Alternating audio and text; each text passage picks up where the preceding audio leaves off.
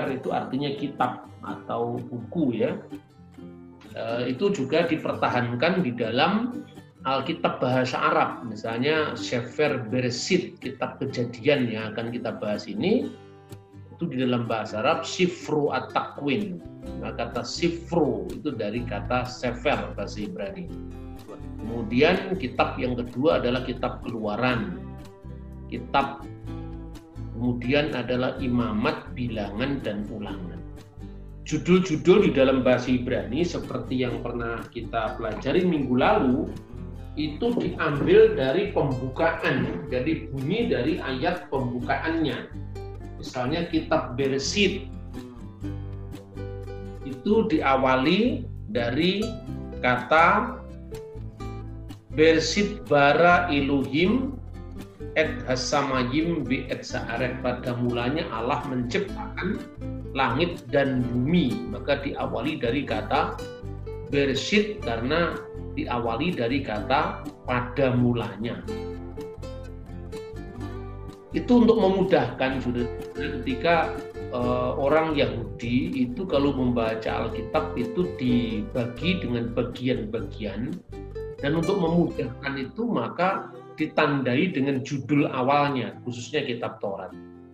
Nah, uh, yang kedua sering kali kita di dalam mengkaji kitab suci, kita lebih akrab dengan pembagian Alkitab bahasa Inggris ketimbang dengan bahasa aslinya yaitu bahasa Ibrani. Sehingga hampir jarang sekali di kalangan orang Kristen ketika membaca kitab kejadian itu menyebutnya kitab Taurat. Tapi mulai kitab kejadian, keluaran, imamat, bilangan, ulangan. Kelima kitab yang pertama itu namanya Taurat. Jadi Tauratnya Nabi Musa. Nah, kemudian sebelum kita masuk dalam pembahasan tentang penciptaan, ya, kita mesti membahas bagaimana kita mempercayai kitab suci kita itu asli, ya. Bahwa kitab suci kita itu benar-benar bisa dipercaya.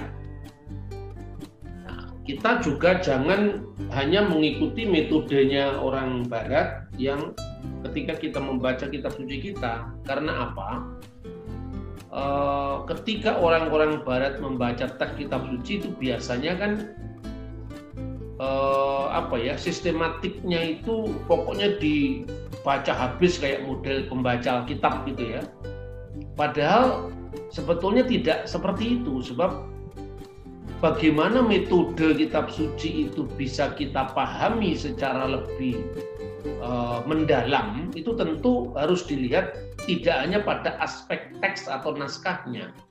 Sebab sering kali orang yang mengkatamkan Alkitab itu pun sebetulnya sulit untuk menjelaskan bagaimana kitab suci itu datang kepada kita, bagaimana kitab suci itu diterjemahkan, kenapa ada banyak terjemahan yang berbeda-beda, sehingga ketika orang hanya dalam hidupnya mengenal satu kitab suci dalam satu terjemahan, itu sudah merasa seolah-olah dia cukup padahal itu belum cukup.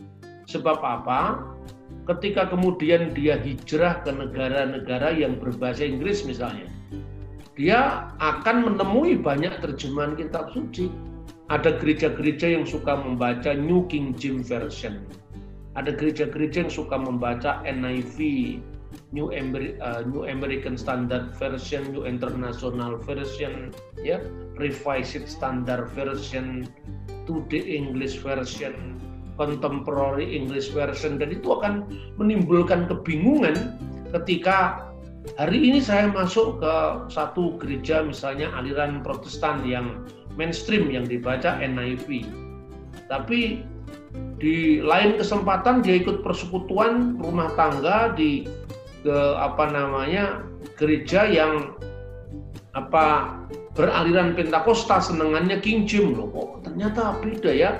Kenapa di King James ada ayat ini tapi di, di NIV kok lebih singkat bentuknya? Kalau kemudian akan mengalami kebingungan-kebingungan. Itu yang sesungguhnya kita pergumulkan di dalam konteks Indonesia kita. Nah yang pertama saya kembali bagaimana kita meyakini bahwa kitab kita itu asli memang banyak terjemahan dan kitab suci apa pun juga baik itu Islam, Hindu, Buddha juga memang banyak terjemahan. Cuman bedanya kalau orang Kristen itu kan rata-rata jauh lebih liberal dalam membaca kitabnya lebih bebas. Makanya terjemahan pun disebut version. Today English version. Nah orang yang tidak paham langsung menuduh Alkitab kan versinya banyak. Semua kitab suci terjemahan versinya ya banyak. Itu loh kira-kira. Makanya bagaimana kita menyeberangkan pemahaman kitab suci kita ini dalam konteks ya yang lebih luas bukan hanya pembaca Kristen. Nah, maka bagaimana kita bisa mempertanggungjawabkan kitab suci kita ini asli? Yang pertama, naskahnya tersimpan selama ribuan tahun. Itu yang penting.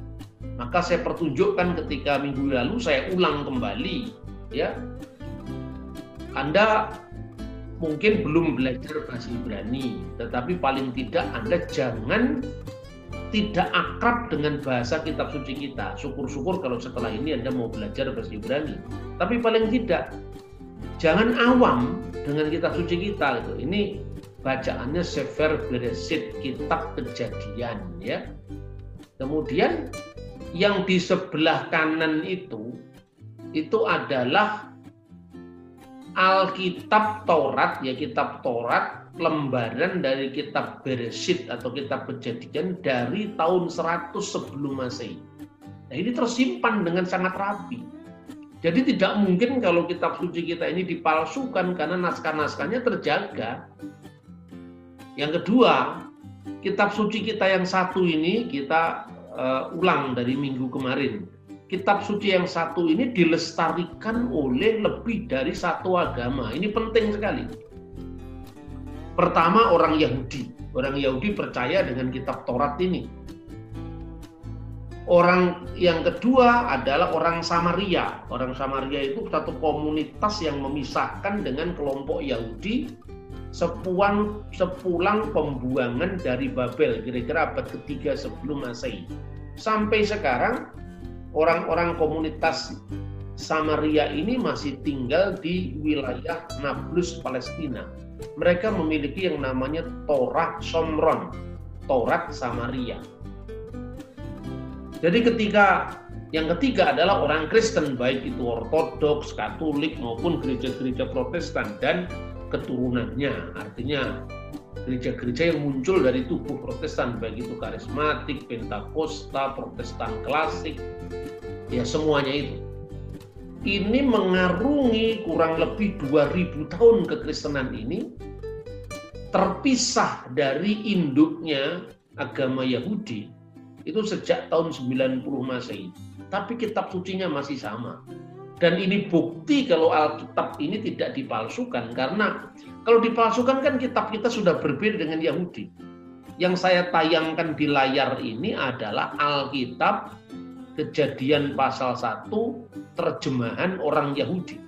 Perhatikan, Anda boleh memakai Alkitab ini, itu Alkitab kita juga.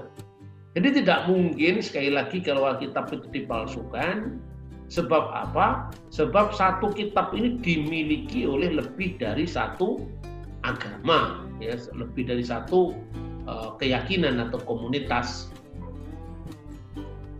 Kemudian saya lanjutkan. Banyak kritik terhadap kitab suci kita ya. Yang pertama-tama orang itu memandang kitab suci yang ditulis di zaman Musa sekitar abad ke-14 sebelum Masehi. Jadi 1350 tahunan lah kira-kira sebelum Masehi. Dari zaman kita sekarang itu berarti 3500 tahun yang lalu. Dengan pemahaman kita model sekarang tentu kebudayaannya berbeda, pola pikirnya berbeda, cara pemahaman itu yang mempengaruhi orang untuk memandang kitab suci. Misalnya, menuduh bahwa kitab suci kita itu dipalsukan karena tidak sesuai dengan sains modern. Misalnya ini tuduhan yang pernah disampaikan oleh seorang penulis dari Prancis namanya Dr. Maurits Bucaille dalam bukunya Bible, Quran, dan Sains Modern. Nah, padahal sebetulnya ilmu pengetahuan itu kan sesuatu yang terus-menerus berkembang.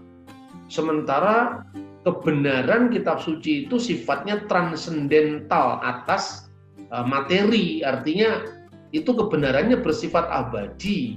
Dengan demikian, tidak mungkin kita itu memandang kitab suci itu seperti textbook ilmu pengetahuan. Nah, kesalahan semacam ini pernah terjadi ketika gereja Katolik dulu memahami kitab suci secara textbook ilmu pengetahuan sehingga gegeran soal Galileo Galilei, heliosentris atau uh, apa namanya geosentris itu. Padahal itu tafsir dari gereja waktu itu tentang kitab suci. Nah, uh, seorang profesor dalam kajian kitab suci dari Belanda namanya adalah Van Leeuwen. Theodor Van Leeuwen ini penulis lama. Pernah memberikan kuliah di Satya Wacana, tapi sudah lama sekali. Saya hanya membaca terjemahannya di dalam bahasa Indonesia, tapi juga kemudian eh, saya bisa memfotokopi kitab uh, si, apa kitabnya dia itu judulnya Christianity in the World History, kekristenan dalam sejarah dunia. Dia justru memandang Alkitab itu sekalipun bukan textbook ilmu pengetahuan, tetapi dia mendorong munculnya ilmu pengetahuan. Nah, apa yang menyebabkan ilmu pengetahuan itu muncul? Yang pertama adalah rasionalitas Yunani. Kan kita belajar mulai dari dalil Pitagoras, semuanya itu ilmu eh, apa namanya tentang Demokritus, atom itu kan semua dari Yunani. Pertanyaannya sekarang, kalau ilmu pengetahuan itu semata-mata muncul dari filsafat atau rasionalitas Yunani, kenapa tidak muncul ilmu pengetahuan di Barat itu pada masa Plato, pada masa Pitagoras, tapi setelah seribu tahun dipengaruhi oleh kekristenan. Ini tesisnya Van Leeuwen. Maka dia mengatakan salah satu penyebab pendorong ilmu pengetahuan itu setelah selain rasionalitas Yunani adalah realisme Alkitabiah. Dia menyebutnya dengan biblical realism. Dan itulah kitab kejadian yang dia baca. Ketika dunia timur memandang alam semesta atau kosmos itu sebagai yang diilahikan, yang disembah, ya. Alkitab tidak mengatakan begitu. Langit bumi diciptakan seperti misalnya matahari diciptakan untuk penerang di waktu siang eh, dan bulan untuk penerang di waktu malam untuk menentukan hari-hari dan musim-musim. Tapi konteksnya kepada pandangan yang sangat realistis terhadap alam sehingga alam itu bisa dikelola dengan tanggung jawab oleh umat manusia. Karena setelah penciptaan langit dan bumi itu adalah Tuhan menciptakan manusia sebagai pengelola atas alam semesta, yaitu Adam dan Hawa. Jadi itu yang pertama. Tapi kalau seandainya ilmu pengetahuan itu hanya didasarkan oleh realisme Alkitab tadi, kenapa itu tidak muncul di Alexandria yang sudah menjadi Kristen? Pada abad keempat sudah mengalami kemajuan luar biasa. Tidak terjadi di Antioquia yang sudah menjadi pusat kekristenan. Tapi kenapa baru di Barat? Lalu dia yang uh, terakhir mengatakan ada sifat dinamis dari kebudayaan Barat. Tiga hal inilah yang menyebabkan bagaimana Van Leeuwen itu sangat sangat apa ya uh, menghargai Alkitab. Ini adalah contoh bagaimana kemajuan dunia teknologi tetapi tidak memandang rendah Alkitab sebagai uh, yang merintis karena realismenya tadi terhadap penelitian terhadap alam semesta ini. Nah, dengan pendekatan semacam ini kita bisa semakin mencintai Alkitab kita. Nah, jadi biblical realism itu, realisasi realisme Alkitab itu sebetulnya pandangan tentang waktu ya.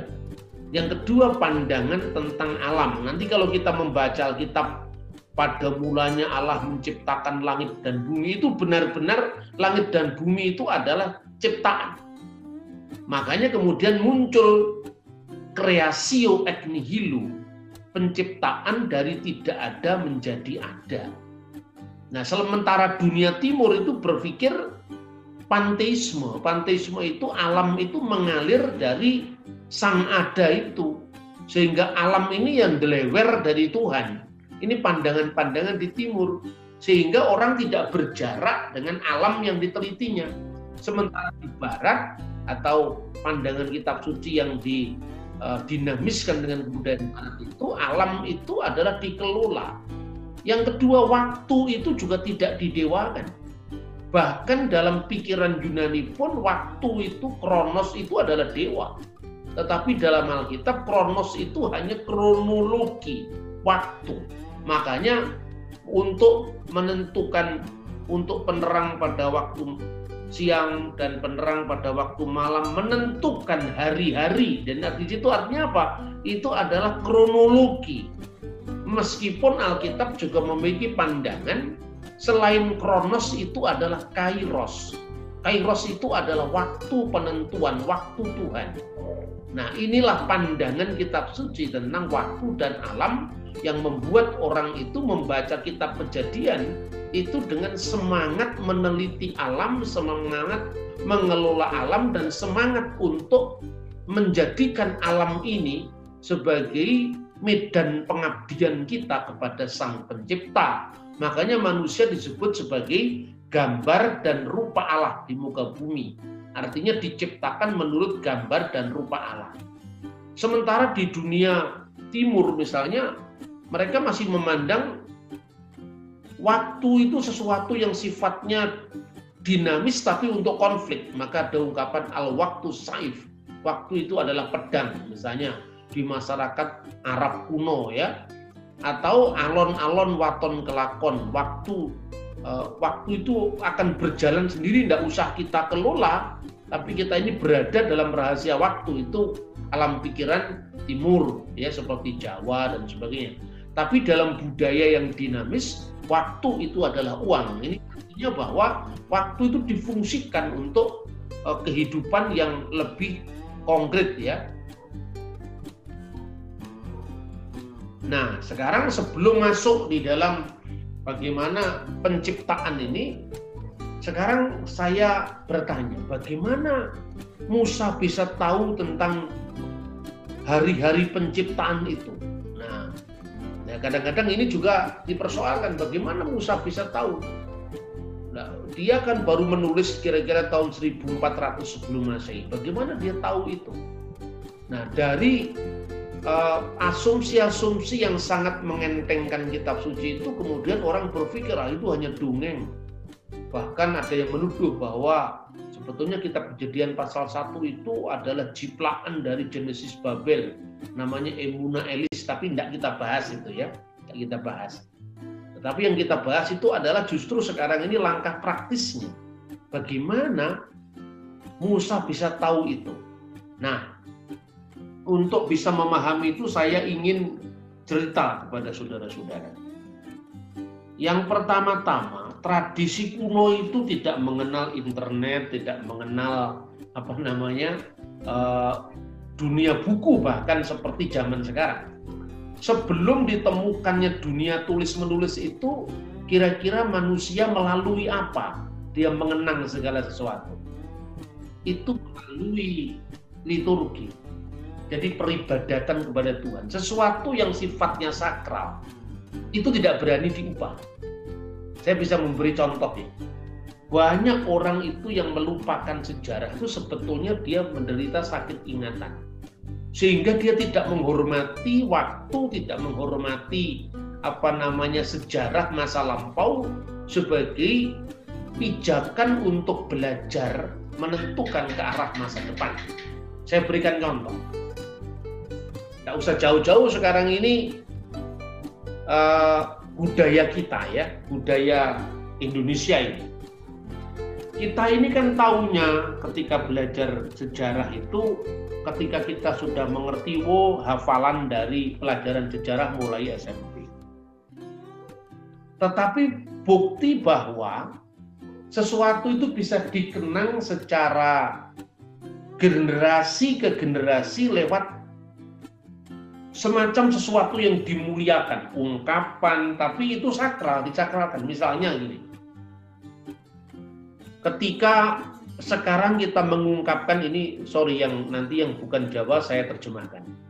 Mengungkapkan tentang bagaimana kita menghormati persaudaraan mengungguli atau mengatasi harta atau uang ungkapan bahasa Jawa itu mengenal kata-kata tuno sata badi sama. Tuno sata itu artinya sekalipun kita rugi secara finansial ya tetapi kita kita untung secara persahabatan. Makanya tuno sata rugi secara finansial bati sana tetapi kita ini untung karena banyak saudara kalau kita belajar bahasa Jawa kan cuma dikatakan oh tuno sata bati sana itu artinya Eh, kita rugi secara finansial tidak apa-apa yang penting sahabat banyak. Tapi Anda lupa bahwa pada kata-kata itu sebetulnya menyimpan mata uang lebih dari seribu tahun yang lalu. Kok bisa? Kalau Anda membaca sejarah uang di Nusantara ini saya berikan contohnya itu sejak abad ke-10 itu zamannya kerajaan Balitung di Jawa Tengah sebelum munculnya kerajaan Majapahit munculnya kerajaan Demak kerajaan Singasari Kediri itu mata uang kita ini terdiri dari emas dan perak dan itu lebih ke intrinsik beratnya satuan mata uang itu. Nah, Anda tidak tidak paham yang saya sampaikan tidak masalah, tetap bisa naik surga.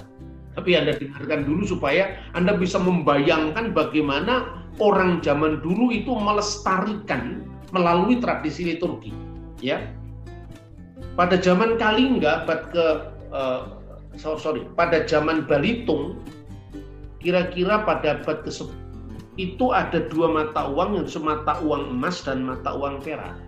Satuan mata uang emas itu terdiri dari satu namanya kati, lalu kedua suwarna, suwarna itu kan artinya emas ya. Kemudian masa, kupang, sata. Jadi sata itu adalah satuan mata uang emas yang terendah. Kenapa kok menjadi apa namanya ungkapan rakyat ya. Karena untuk rakyat tidak mungkin sampai ke Suwarna, Kupang atau Sati itu miliknya para pejabat negara. Rakyat itu paling-paling ya sata uang mata uang yang terendah itu sudah dianggap tinggi namanya sata. Dari mana kita tahu itu? Anda membaca prasasti Majapahit prasasti Singasari prasasti Balitung bahkan catatan dari negeri seberang Salah satu catatan yang sangat terkenal itu ditulis oleh seorang penulis Cina namanya Ma Huan. Dan Ma Huan itu seorang muslim. Dia menulis buku yang intinya itu laporan umum di pantai-pantai lautan, pantai laut selatan, maksudnya Indonesia ya. Dia menulis buku itu judulnya The Jing Yai Senglan. Jing Yai Senglan. Itu artinya laporan-laporan tentang pantai-pantai selatan. Dia menyebut itu bagaimana mata uang di Jawa itu dipakai. Itu tahun berapa dia menulis? Tahun 1416. Dia mengatakan bahwa orang-orang Cina yang tinggal di Jawa, di kerajaan Majapahit, itu kebanyakan mereka berasal dari Kanton, kemudian dari Changzhou, dari Guangzhou. Dan mereka kebanyakan tinggal di daerah Jirsik dan Tuban. Mereka itu memakai uang emas yang dipakai mulai dari beberapa abad sebelum zaman Majapahit. Itu catatan dari Cina. Makanya kemudian ketika sekitar tahun 1960-an itu di wilayah Klaten, Klaten Jawa Tengah ya, di desa Wonoboyo, itu ditemukan sebuah eh, apa semacam prasasti gitu yang intinya itu bercerita tentang jumlah mata uang pada abad ke-10 tulisannya itu kira-kira begini. Tatur berat su terus ditulis 14, ma 15, sa 3. Lah, ucapan itu kalau ditulis dalam bahasa Jawa gini. Tatur berat suwarna 14. Jadi ada apa mata uang eh, ini mata uang yang beratnya 14 warna su 14 masa 15 yang beratnya 15 masa dan satak telu tiga satak. Bayangkan kan? Itu kira-kira dari tahun 1000 itu dari tahun 1000 itu bisa dilestarikan dari bahasa Jawa sekarang diajarkan di sekolah-sekolah tanpa kita tahu dari mana asalnya itu. Nah inilah pelestarian lewat ungkapan-ungkapan kuno yang dipakai tanpa berubah. Nyanyian-nyanyian rakyat misalnya.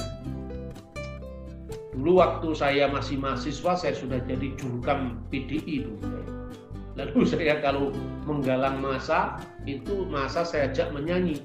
Ayo numpak sepur, bayare setali rakyat adil makmur milio PDI itu dulu saya masih mahasiswa ya.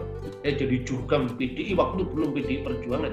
Sampai zaman PDI Perjuangan saya masih jadi pengurus Dewan Pimpinan apa cabang DPC Kota Malang. Jadi ini sekedar, sekedar sejarah saya ceritain. Bayangkan nyanyian saya ini ayo numpak sepur. Ajo itu bahasa Jawa, numpak bahasa Jawa, sepur itu bahasa Belanda. Kapan mulai muncul kata spur itu bahasa Belanda? Bayar, bayar itu ya bahasa Jawa, bahasa Melayu. Setali. Tali itu artinya ribu, seribu. Saribu atau seribu itu tali. Tali itu zaman Majapahit, Bayangkan sekarang, Majapahit itu kira-kira abad 15, abad 14, itu dilestarikan sampai tahun sekarang lewat ungkapan-ungkapan rakyat. Kan begitu kan? Maka misalnya di kitab undang-undang adigama yang di eh, apa diundangkan itu zaman Raja Wikramawardhana sekitar tahun 1400 03 atau 04 sebelum perang Parekrek itu disebutkan dalam salah satu pasal kitab undang-undang itu dikatakan orang yang merusak candi, prasada, sapasiman sama dengan merusak seluruh bumi. Jadi orang-orang yang merusak tempat-tempat ibadah itu dianggap merusak seluruh bumi karena apa? Kalau Anda merusak rumah saya yang rugikan saya dan keluarga saya. Tapi kalau Anda merusak masjid, merusak gereja, merusak pura, itu yang dirugikan bukan hanya material, tetapi kehormatan, keyakinan dari komunitas keseluruhan yang beragama Hindu, yang beragama Islam, yang beragama Kristen. Makanya zaman dulu kita ini lebih apa ya? Lebih sadar pentingnya penghormatan terhadap hak asasi manusia. Itu abad 14. Maka muah wong kang angrusak candi prasada sapasiman kabuyutan pada lawan angrusak bumi sama dengan merusak bumi candi candi itu rumah ibadah Hindu eh, kemudian prasada prasada itu rumah ibadah Buddha yang di pusat ya. Kemudian sapasiman itu ya tempat seperti resi tempatnya para petapa. Kemudian kabuyutan tempat orang-orang yang yang apa yang dituakan kabuyutan sama dengan merusak seluruh bumi. Danda mulia becik malih dia harus didanda didenda mengembalikan seluruh kerusakan itu. Kemudian berapa dendanya? Rong laksa patang tali 24 ribu wuruk sadu gawe ngaranya. Tindak pidana itu namanya wuruk sadu gawe. Berapa dendanya? Rong laksa 20 20 ribu. Itu rong laksa patang tali 4 ribu. Jadi 20 plus 4 ribu 24 ribu Terus kemudian ada nyanyikan sampai sekarang bayari setali. Eh, zaman Majapahit belum ada sepur. Itu kan dirangkai-rangkai. Karena apa-apa yang kita alami sekarang ini tidak lepas daripada sejarah masa lalu kita. Hanya orang yang banyak belajar sejarah, menghormati budaya yang bisa merangkai. Kalau tidak sulit karena apa? Itu seperti lewat saja. Makanya agama itu bisa membahayakan manusia kalau dia menghayati agama itu hanya sepotong-sepotong, itu tidak ada kejahatan orang yang melebihi kejahatan orang yang beragama. Karena orang membunuh pun itu merasa dia berbakti pada Tuhan. Nah, itu satu. Yang kedua, bagaimana kita bisa mengatakan ini adalah tradisi liturgis yang diterus sampaikan secara tanpa putus lewat generasi-generasi. Mari kita uh, baca Alkitab ya. Misalnya, bukan sekedar pada masa uh, Musa tetapi juga masa Raja Daud nanti kita bisa melihat. Misalnya kita bisa membaca di dalam kitab uh, ulangan ya. Kitab ulangan pasal keluaran dulu. Kitab keluaran pasal 20 tentang 10 perintah Allah itu kenapa kita harus menguduskan hari sabat misalnya. Kita baca di ayat 11 pasal 20 ayat 11 tertulis di sana demikian sebab enam hari lamanya Tuhan menjadikan langit dan bumi laut dan segala isinya dan ia berhenti pada hari ketujuh itulah sebabnya Tuhan memberkati hari sabat dan menguduskannya. Jadi kisah tentang penciptaan dan Tuhan dimuliakan pada hari ketujuh itu dikenang lewat liturgi, dikenang lewat perintah. Tapi perhatikan, bagaimana kisah tentang penciptaan itu dilestarikan bersama-sama dengan kisah keluaran dari tanah Mesir. Jadi setelah Musa mengajarkan penciptaan, Musa juga mengajarkan agar kita mengenang kisah keluaran di mana Tuhan telah menyelamatkan bangsa ini, maksudnya bangsa Israel, agar mereka tidak lupa pada karya Tuhan yang luar biasa di dalam ulang, uh, ulangan pasal 5 ayat 15. Ulangan pasal 5 ayat 15 ya, saya baca. Sebab haruslah kau ingat bahwa engkau pun dahulu budak di tanah Mesir dan engkau dibawa keluar dari sana oleh Tuhan Allahmu dengan tangan yang kuat dan lengan yang teracung. Itulah sebabnya Tuhan Allah memerintahkan engkau merayakan hari sabat. Jadi hari Sabat itu pertama dikaitkan dengan Tuhan dimuliakan eh, berhenti menciptakan pada hari ketujuh. Yang kedua penyelamatan Tuhan dari tanah Mesir. Di sini tema keluaran dan tema penciptaan berdampingan. Itu pada zaman Musa. Setelah zaman Musa kan lewat itu mulai Musa kemudian Yosua, Yosua kemudian tua-tua Israel, tua-tua Israel nabi-nabi, maka kita melihat zaman kerajaan Misalnya puncak kerajaan Israel itu zamannya Raja Daud. Kita bisa membaca misalnya di kejadi uh, kitab Mazmur pasal 136. Ya. Mazmur pada 136. Nanti perhatikan ungkapan begini. Karena untuk selama-lamanya kasih setianya. Bahwasanya untuk selama-lamanya kasih itu diulang setiap ayat Itulah cara mengulang-ulang seperti cara menghafal. Dan ini persis dengan apa yang dikatakan di dalam kitab kejadian tadi. Setiap periode penciptaan atau hari penciptaan selalu diulang-ulang kata-kata yang itu mirip puisi. Maka jadilah petang dan jadilah pagi. Maka jadilah petang dan jadilah pagi. Sekarang bandingkan dengan kitab Mazmur 136. Bersyukurlah kepada Tuhan sebab ia baik bahwa untuk selama-lamanya kasih setianya.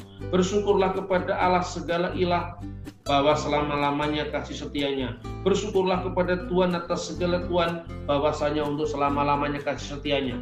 Kepada dia seorang diri melakukan keajaiban-keajaiban besar bahwa untuk selama-lamanya kasih setianya. Kile olam hastu kepada dia yang menjadikan langit dengan kebijaksanaan bahwa untuk selama-lamanya kasihnya. Perhatikan penciptaan yang diceritakan.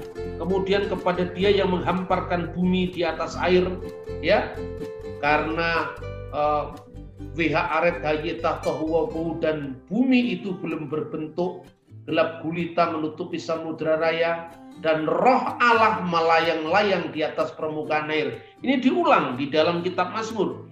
Karena dia yang menghamparkan bumi di atas air bahwa untuk selama-lamanya kasih setianya. Kepada dia yang menjadikan benda-benda penerang yang besar pada hari keempat. Bahwa untuk selama-lamanya kasih setianya.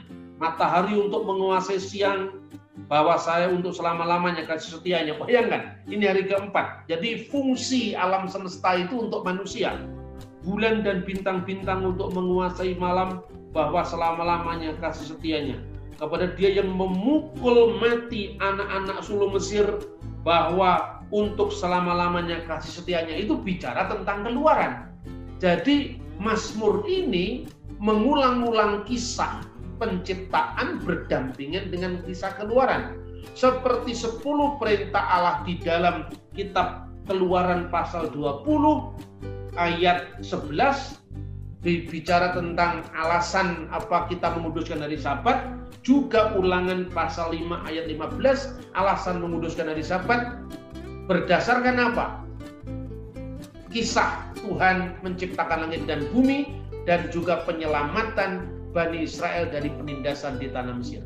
Itu cara Tuhan mengajar uh, bagaimana orang-orang zaman dahulu, termasuk bagaimana kita membayangkan paradigma orang-orang kuno dalam memahami kitab suci, dalam menjelaskan kitab suci.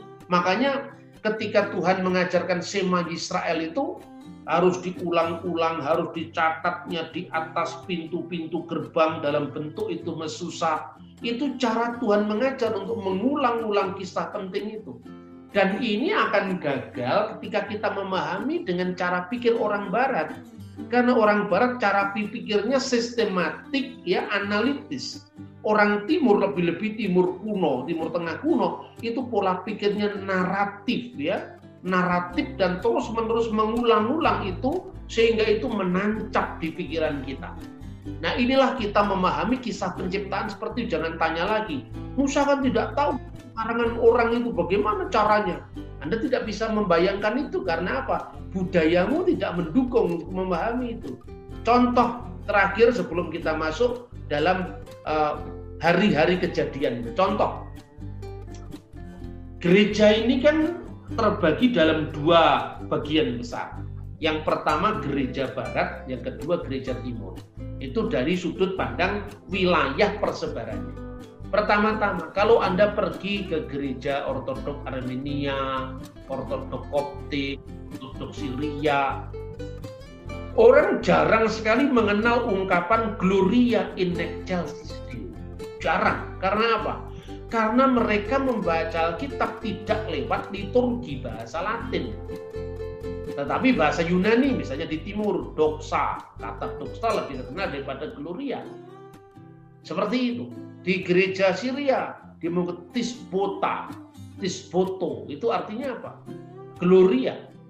Tetapi di gereja barat karena dulu kita memakai uh, pola itu dari bahasa Latin, kita lebih mengenal Gloria in excelsis Deo.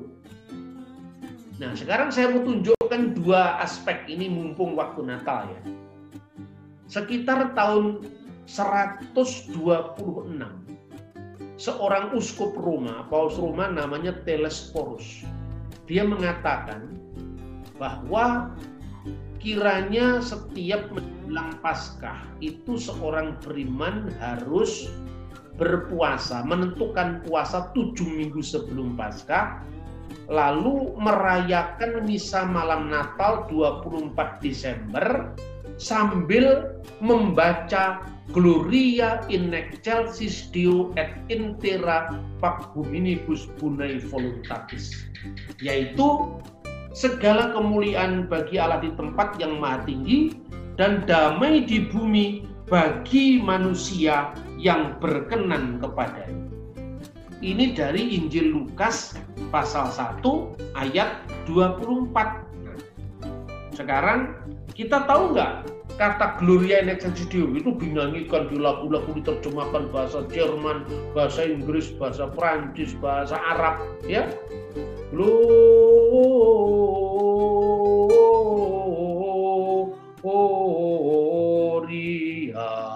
in excelsis Deo.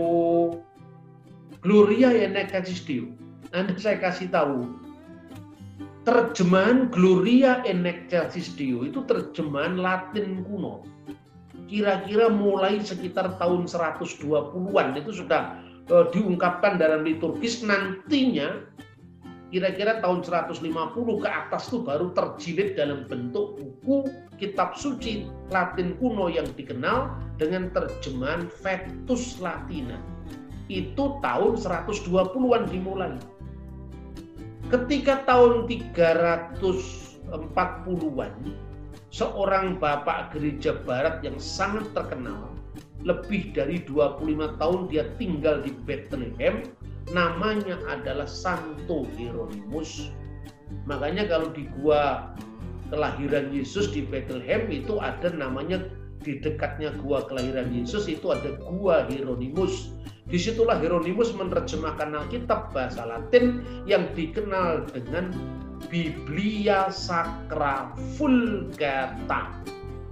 Dari situ kemudian dia memperbaiki terjemahan karena kalau Gloria in excelsis itu artinya kemuliaan bagi Allah di tempat yang tinggi. Lalu dia memakai bentuk superlatif ya, bukan excelsis tapi altisimis. Gloria in altisimis. Kemuliaan bagi Allah di tempat yang tertinggi, yang maha tinggi. Pertanyaannya sekarang, Alkitabnya sudah diperbarui terjemahannya. Tapi kenapa sampai sekarang liturgi gereja, bukan hanya Katolik, termasuk yang protestan di GKI, GPIB, GKJW, lagu-lagu gereja mulai dari virus di Libanon sampai eh, lagu-lagu di Indonesia, kok masih Gloria yang Excelsis Deo?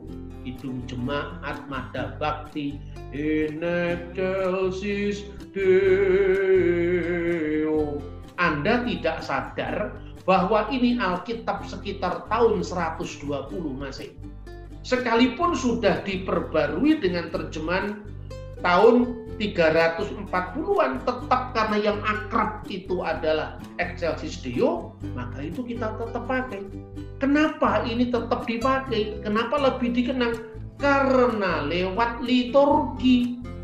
Jadi liturgi itu kan sulit diubah. Apalagi kalau liturgi gereja-gereja kuno. Karena apa? Itu menyangkut penghayatan segenap jiwa, segenap hidup manusia dalam penyembahan. Begitu juga kira-kira kisah keluar, kisah keluaran, kisah penciptaan itu selalu diulang-ulang lewat pola seperti ini. Oh, jangankan ngomong kitab suci yang dihormati sampai dari tahun 120 sampai tahun 2020 orang masih tetap Gloria in excelsis Deo untuk gereja-gereja barat yang bertradisi Latin sekarang tetap apalagi apa namanya sejarah Indonesia yang kita kenang. Sedangkan ini sudah 2000 tahun lebih saja masih bisa dikenang. Seperti itu sendaknya Anda membayangkan kisah penciptaan yang diterus sampaikan mulai dari zaman peradaban manusia pertama sampai di zamannya Musa. Ini luar biasa saudara-saudara kalau kita lihat karena liturgi itu sesuatu yang sakral, tidak mudah diubah. Nah, dalam konteks seperti itulah Musa menerus sampaikan secara tanpa putus mirip dengan seorang berliturgi tadi. Yang namanya puja Trisandia itu sejak zaman Weda, Purana sampai sekarang kan tidak berubah. Kan gitu loh kira-kira. Doa Bapa kami kan nggak berubah karena apa? Itu lewat tradisi liturgis. Begitu juga kisah penciptaan, kisah keluaran. Setiap kali orang Yahudi merayakan Paskah, inilah roti sengsara yang dimakan nenek moyang kita di Mesir. Itu menunjukkan bahwa pentingnya kisah yang diulang-ulang itu. Nah dalam pola yang sama kita bisa membaca kitab kejadian tentang penciptaan langit dan bumi. Secara khusus polanya itu kira-kira seperti ini. Yang pertama, pasal 1 seluruhnya itu bicara tentang hari pertama jadilah terang. Lalu Hari kedua Allah menciptakan cakrawala ya. Kita baca pada mulanya Allah menciptakan langit dan bumi. Bumi belum berbentuk dan kosong, gelap gulita menutupi samudra raya, dan roh Allah melayang-layang di atas permukaan air. Berfirmanlah Allah jadilah terang, lalu terang itu jadi. Allah melihat bahwa terang itu baik dan dipisahkan nyala terang itu dari gelap. Dan Allah menamai terang itu siang dan gelap itu malam. Jadilah petang dan jadilah pagi. Itulah hari pertama. Itu nanti akan diulang terus-menerus. Jadilah petang dan jadilah pagi. Itulah hari pertama. Jadilah petang dan jadilah pagi. Itulah hari kedua. Lalu yang kedua penciptaan cakrawala rakia ya lalu berikutnya berfirmanlah Tuhan Allah jad, hendaklah apa jadilah cakrawala di tengah segala air untuk memisahkan air dari air maka Allah menjadikan cakrawala dan ia memisahkan air yang ada di bawah cakrawala itu dan air yang ada di atasnya dan jadilah demikian Lalu Allah menamai cakrawala itu langit, jadilah petang dan jadilah pagi, itulah hari kedua. Ini mirip dengan ke, apa Mazmur 136 tadi. Misalnya, Hodu leluhe ha iluhim. Lalu semua diulang. Kile olam hastu. Hodu ladune ha adunim. Kile olam hastu. Terus menerus. Sampai akhir pasal. Begitu juga ini Jadilah petang dan jadilah pagi, itulah hari pertama. Jadilah petang dan jadilah pagi, itulah hari kedua. Kemudian berfirmanlah Allah, hendaklah segala air yang di bawah langit berkumpul pada satu tempat, sehingga kelihatan yang kering dan jadilah demikian. Lalu Allah menamai yang kering itu darat, dan kumpulan air itu dinamainya laut. Allah melihat bahwa semuanya itu baik. Berfirmanlah Allah, hendaklah tanah menumbuhkan tunas-tunas muda, tumbuh-tumbuhan berbiji, segala jenis pohon buah-buahan yang menghasilkan buah yang berbiji, supaya ada tumbuh-tumbuhan di bumi. Dan jadilah demikian. Tanah itu menumbuhkan tunas-tunas muda, segala jenis tumbuh-tumbuhan yang berbiji dan segala jenis tumbuh-tumbuhan yang menghasilkan buah yang berbiji. Allah melihat bahwa semuanya itu baik, jadilah petang dan jadilah pagi. Itulah hari ketiga. Ya, Hari keempat, ini yang tadi diulang dalam Mazmur tadi. Berfirmanlah Allah, jadilah benda-benda penerang pada cakrawala untuk memisahkan terang dan e, memisahkan siang dan malam. Biarlah benda-benda penerang itu menjadi benda-benda yang menunjukkan masa-masa yang tetap dan hari-hari dan tahun-tahun. Dan sebagai penerang pada cakrawala, biarlah benda-benda itu menerangi bumi. Dan jadilah demikian. Maka Allah menjadikan kedua benda penerang yang besar itu yakni yang lebih besar untuk menguasai siang dan yang lebih kecil untuk menguasai malam dan menjadikan juga bintang-bintang. Allah menaruh semuanya itu di cakrawala untuk menerangi bumi dan untuk menguasai siang dan malam dan untuk memisahkan terang dan gelap. Allah melihat bahwa semuanya itu baik. Jadilah petang dan jadilah pagi. Itulah hari keempat. Jadi hari pertama itu adalah terang yang sudah diciptakan satu oh, apa namanya paket bersama langit dan bumi tadi. Makanya ungkapan pada mulanya Allah menciptakan langit dan bumi itu keseluruhan dari uh, bumi itu dari tidak ada menjadi ada. Kreasio et nihilo.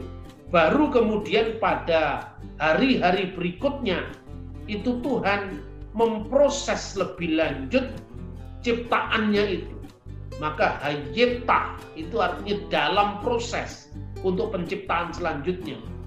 Eh, apa namanya dan bumi itu belum berbentuk masih belum sempurna pada uh, awal mula itu dan kegelapan meliputi samudra raya tohu bohu dulu itu adalah campur baur kosong ya wahosek dan kegelapan karena masih terang itu belum mendatangi bumi yang dalam baru dalam proses hayeta, dalam proses penjadian tadi masih kosong, di, apa belum berbentuk tadi. Kemudian uh, Hosek itu adalah kegelapan menutupi samudra raya alfinih hamayim uh, ruah wa ruah Elohim dan roh Allah merah kefet melayang-layang secara dinamis menyalurkan hidup alfin hamayim di atas air itu. Baru kemudian terang itu uh, Tuhan ciptakan. Jadilah terang maka terang itu jadi. dengan jadinya terang itu menandai pergerakan waktu, kronos, ya. Dari kosmos, kosmos itu alam semesta, kronos itu adalah waktu. Nah, dengan diciptakannya waktu itu diperlukan penanda periode pertama ke periode-periode selanjutnya. Maka pada hari keempat, matahari, bulan, dan bintang itu mulai ditempatkan fungsinya masing-masing ya. Kemudian pada hari kelima binatang di lautan dan burung di udara. Kita uh, bisa membaca berfirmanlah Allah. Hari keempat berfirmanlah Allah, hendaklah air di keriapan makhluk yang hidup dan hendaklah burung beterbangan di atas bumi melintasi cakrawala. Maka Allah menciptakan binatang binatang laut yang besar dan segala jenis makhluk hidup yang bergerak, yang berkeriapan dalam air dan segala jenis burung yang bersayap. Allah melihat bahwa semuanya itu baik. Lalu Allah memberkati semuanya itu firman-Nya berkembang biaklah dan bertambah banyak serta penuhilah air dan laut dan hendaklah burung-burung di bumi bertambah banyak. Jadilah petang dan jadilah pagi. Itulah hari kelima. Hari kelima. Kemudian hari ke-6, berfirmanlah Allah hendaklah bumi mengeluarkan segala jenis makhluk yang hidup, ternak dan binatang melata dan segala jenis binatang liar. Dan jadilah demikian. Allah menjadikan segala jenis binatang liar dan segala jenis ternak dan segala binatang melata di bumi. Allah melihat bahwa semuanya itu baik. Berfirmanlah Allah, baiklah kita menjadikan manusia. Baru ini hari ke-6 bagi menjadikan manusia menurut gambar dan rupa kita supaya mereka berkuasa atas ikan-ikan di laut dan burung-burung di udara dan atas ternak dan atas seluruh bumi dan atas segala binatang melata yang merayap di bumi. Maka Allah menciptakan semuanya itu menurut gambarnya. Menurut gambar Allah diciptakan dia laki-laki dan perempuan diciptakanlah mereka diciptakannya mereka Allah memberkati mereka, lalu Allah berfirman kepada mereka, beranak cuculah dan bertambahlah banyak, penuhilah bumi dan taklukkanlah itu. Berkuasalah atas ikan-ikan di laut dan burung-burung di udara dan segala binatang yang merayap di bumi.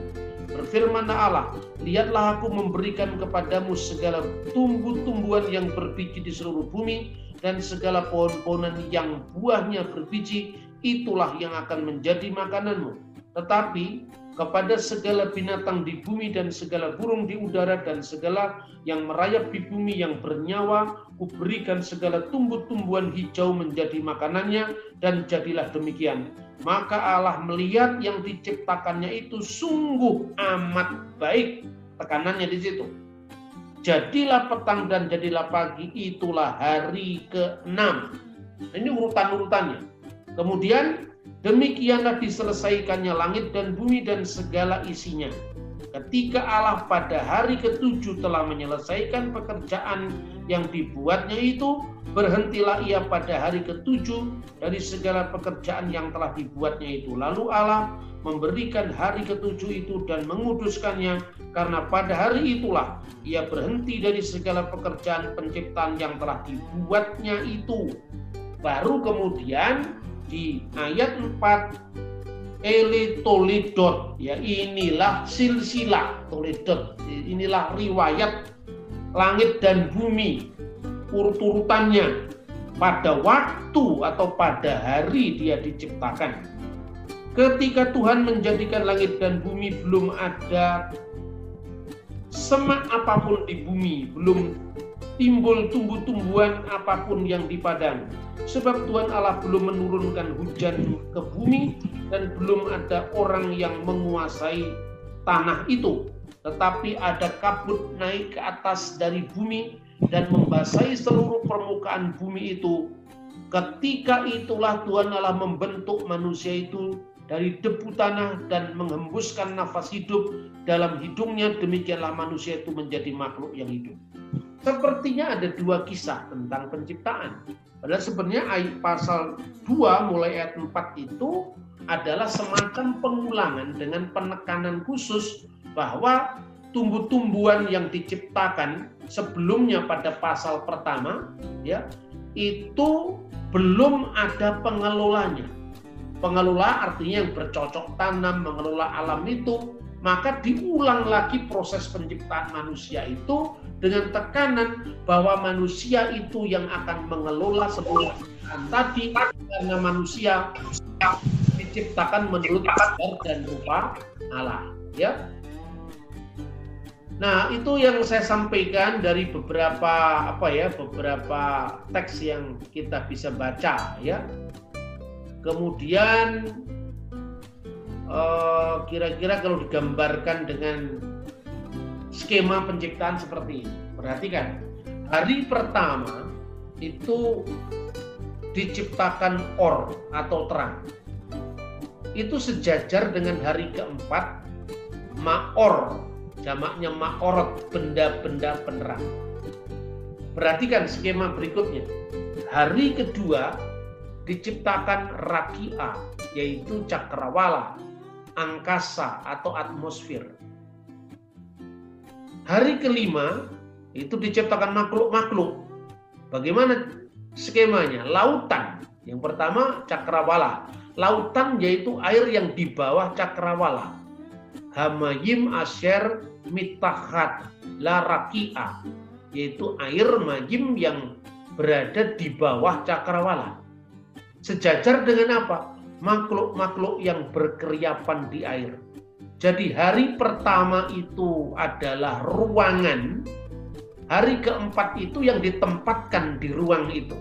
Jadi hari pertama itu adalah or, jadi bahan dari seluruh ma'orot itu Hari keempat adalah penempatan benda-benda penerang.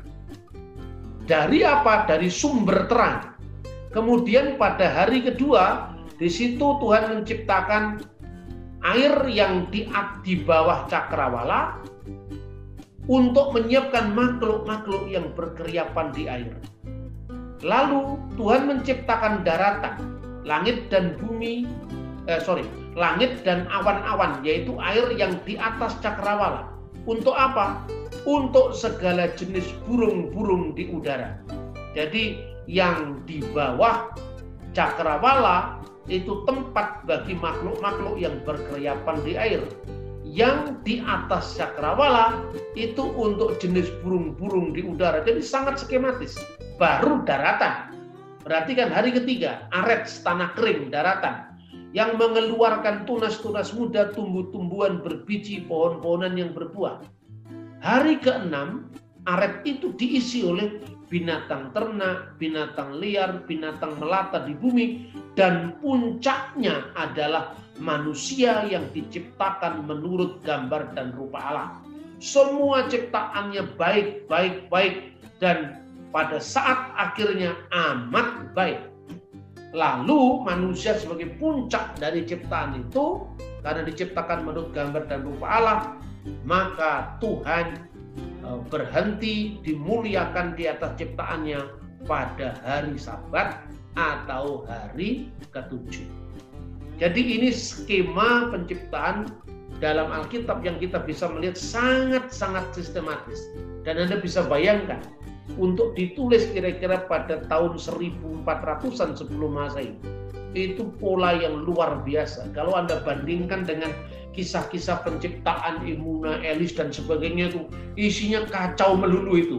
Dewa-dewa berperang, rebutan ini, rebutan itu.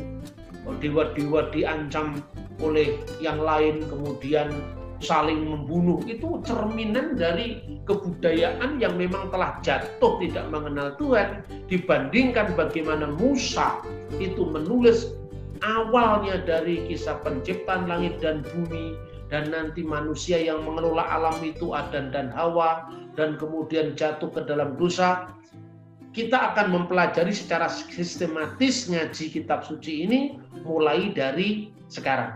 Nah, oleh karena itu untuk eh, saudara-saudara nanti minggu depan silakan membaca kejadian pasal 2 ayat 8 sampai ayat 25 dan pasal 3, pasal 4, pasal 5. Jadi ada tiga setengah pasal ya. Pasal 2 ayat 8 sampai 25 karena itu temanya seperti itu. Lalu pasal 3, pasal 4, pasal 5.